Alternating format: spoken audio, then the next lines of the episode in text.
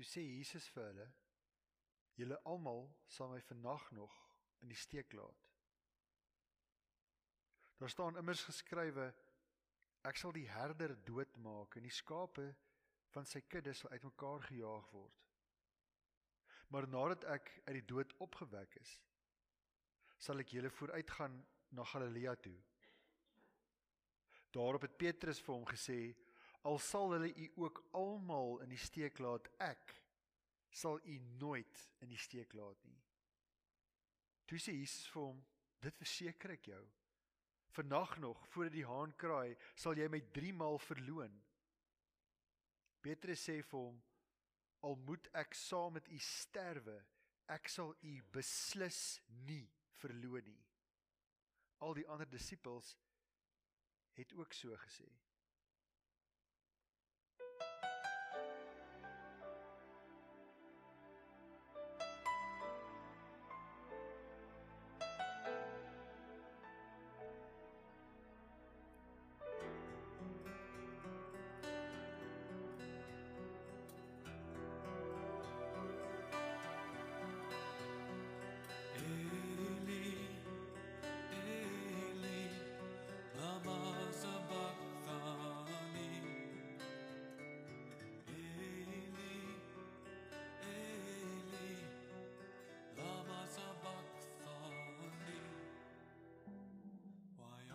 春风。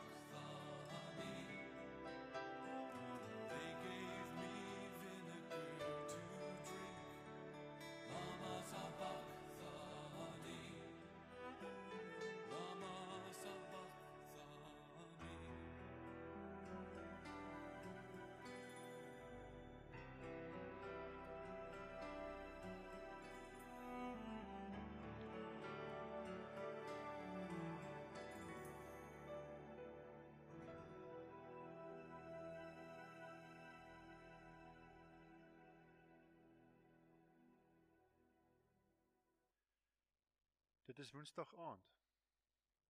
En dit is al die 4de geleentheid wat ons saamgesels in hierdie leidingsweek.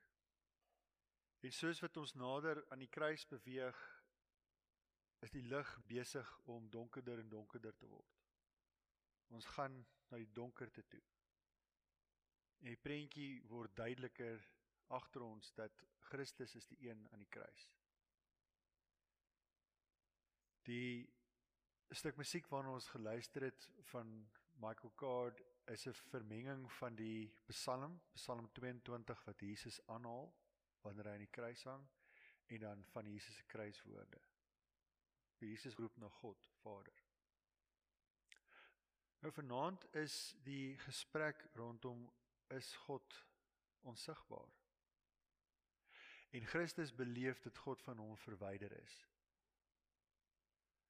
Dat God terugtreë en dat hy alleen hierdie donkerte beleef.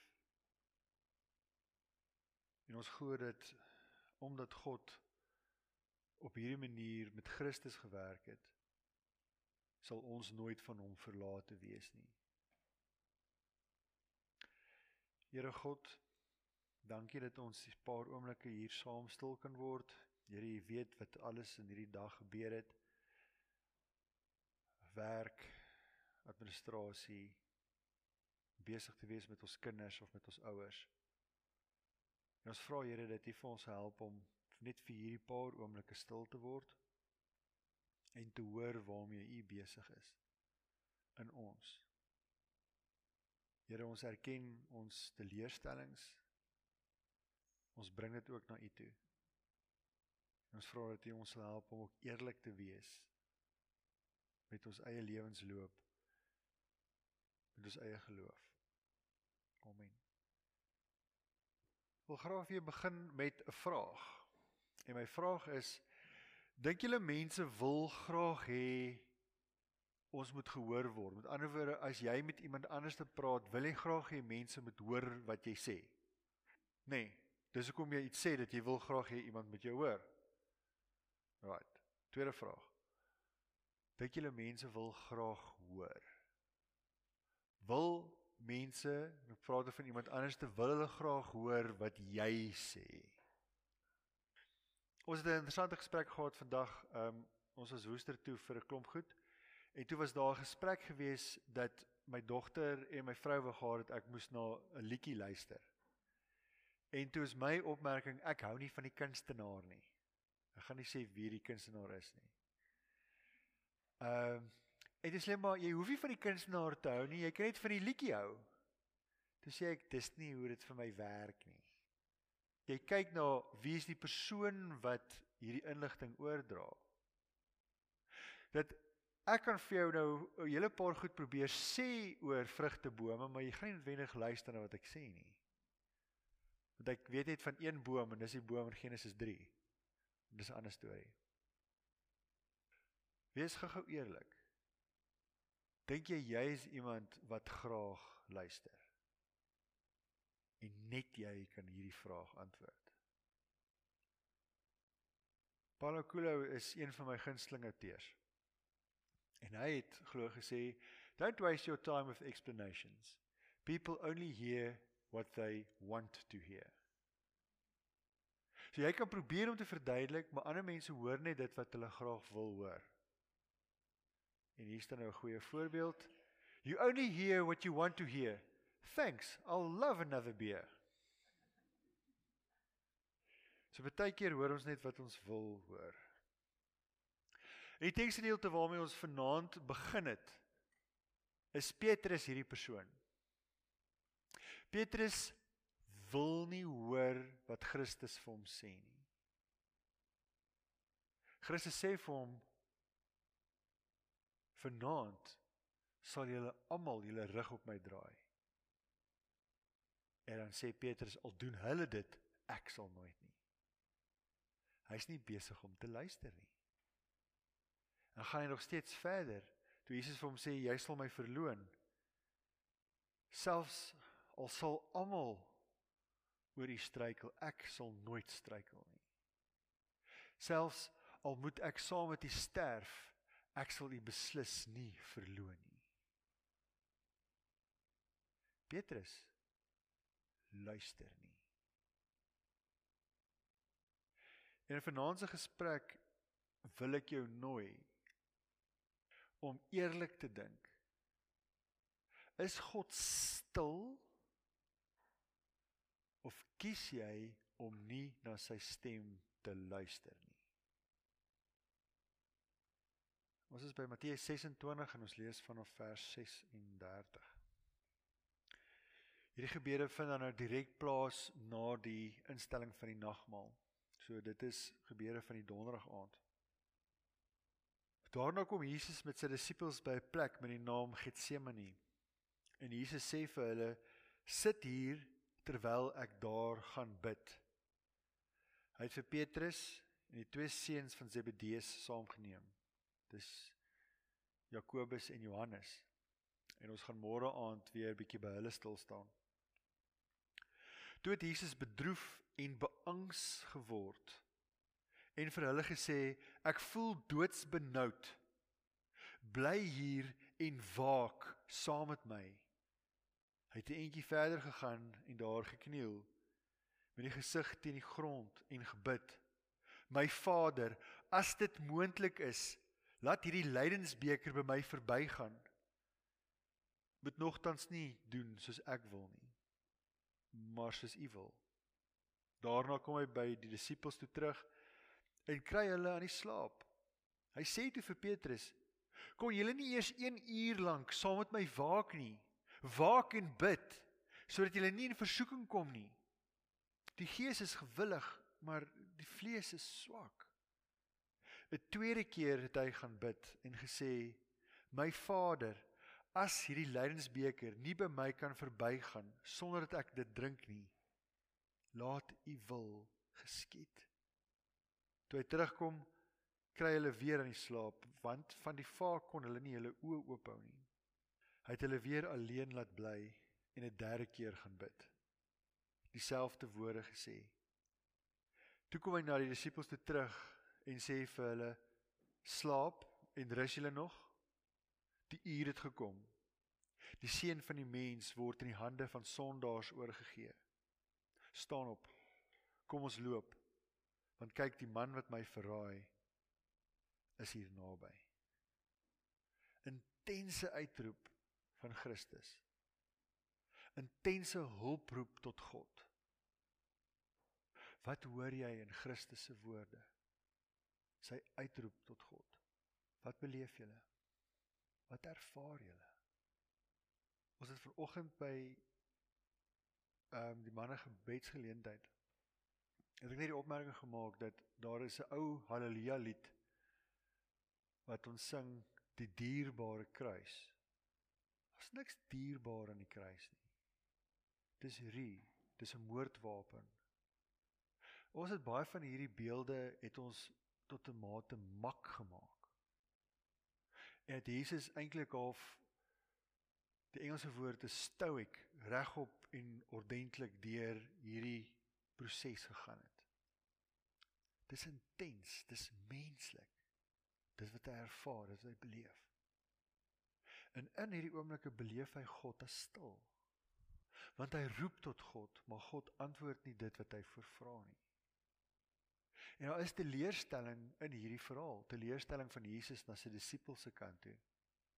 Daar was baie sterk teenstelling tussen die manier hoe Christus optree en dit wat die disippels doen.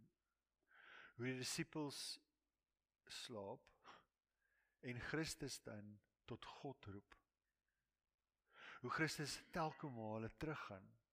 Daar's herhaling. Hierdie intense belewenis. En tot op hierdie punt het ons nou baie gepraat oor ander mense se teleurstelling in Christus, dat hy nie gedoen het dit wat hulle graag wil hê nie. Hier is dit asof ons teleurstelling ook op Christus se skouers geplaas word waar hy die een is tot God die Vader roep en nie antwoord kry nie. sien daai woorde raak bedroef, beangs. Ek voel doodsbenoud. Dit is menslike belewenis. Dis menslike emosie. God wat dit intens in homself beleef en ervaar. Hy vra dan vir sy vriende En in besonder hierdie drie vriende, Petrus, Johannes, Jakobus, om saam met hom sterk te staan, om hom te help in hierdie oomblikke. En hulle doen nie. Petrus wat 'n paar oomblikke van tevore met groot manhaftigheid gepraat het van hy sal saam met Christus sterf. Kan nie eers sy oë oop hou nie. Drie keer herhaal hierdie gebed. Eerste keer, my Vader, as dit moontlik is, laat hierdie beker by my verbygaan. Die tweede keer word hierdie woorde omtrent presies so herhaal. My Vader, as dit nie moontlik is dat hierdie beker verbygaan sonder ek dit drink nie, laat U wil geskied. 'n Derde keer is dit Christus wat roep. Hy het teruggegaan en vir 'n derde keer gebid en dieselfde woorde herhaal. Ek wil jou nooi om hierdie intense roepkreet te beleef om dit te ervaar. Want in hierdie oomblik het Christus vir God ervaar as stil. Christus wat tot God roep om God se wil te doen. Wanneer ons tot God roep, is die gedagte nie dat ons gebed God verander nie. Dit verander ons. Wanneer ons met God in gesprek tree, is dit nie om God se arm te draai of God te dwing om van gedagte te verander nie. Wanneer ons bid, is dit 'n instrument om ons te help om dit te sien waarmee God besig is.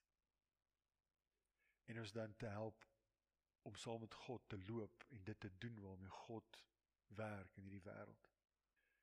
Miroslav Wolf is 'n Kroaat, hy's 'n teoloog wat in die FSA werk.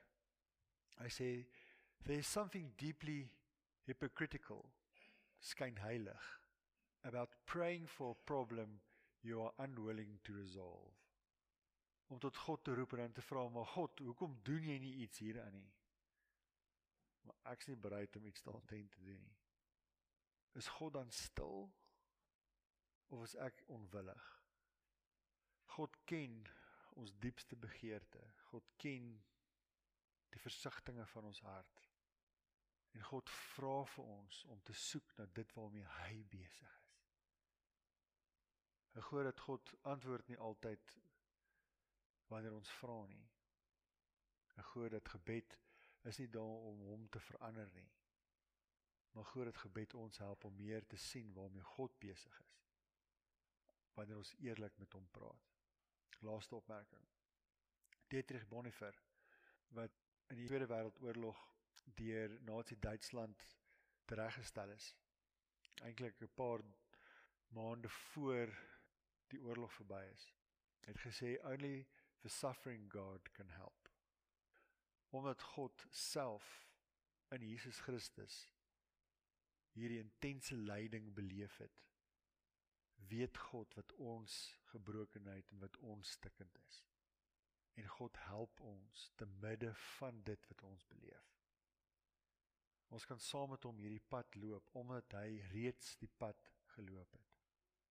Ons kan saam met hom op die lydingsweg beweeg omdat hy voor ons is en ons hom volg. Maar vriende, dit waarna ons hom volg is die kruis. En God roep ons om ons kruis op te tel en hom te volg. En dit beteken om meer genee te wees om te luister na dit wat God vir ons sê. Ontvanklik te wees vir dit wat God mee besig is en waartoe God ons roep. Amen. Kom ons bid saam. Here God, Ons bid tot U en ons vra dat U ons werklik sal help om te luister, om U stem te hoor. Dankie Here dat U vir ons ook wys dat U saam met ons in ons diepste teleurstelling en ons diepste smart dat U saam met ons beweeg. Here God, ons is nooit alleen nie. U is en bly teenwoordig. Ons dankie Here dat U van God verlate was sodat ons nooit daardie verlatenheid hoef te beleef nie. Help vir ons om ook in hierdie tyd ons ons eie onvermoë om te luister, ons keuse om nie te luister nie, om ook dit te kruisig sodat ons met 'n nuwe lewe saam met U kan opstaan. Amen. Ek wil jou nooi om hierdie aand in te gaan en vir jou die vraag te vra is ek regtig waar bereid om te luister? Beleef ek God as stil net omdat ek die een is wat nie wil hoor wat hy vir my sê nie? Ons stoei met hierdie vraag. Dit is moeilik, is uitdagend sodat ons kan groei. Ons verhouding met God en met mekaar. Ontvang die seën van die Here gaan lewe as sy kinders in sy wêreld. Die genade van ons Here Jesus Christus, die liefde van God, ons almagtige Vader en die gemeenskap van die Heilige Gees is en bly by elkeen van ons. Ons kan saamstem die saam te sê.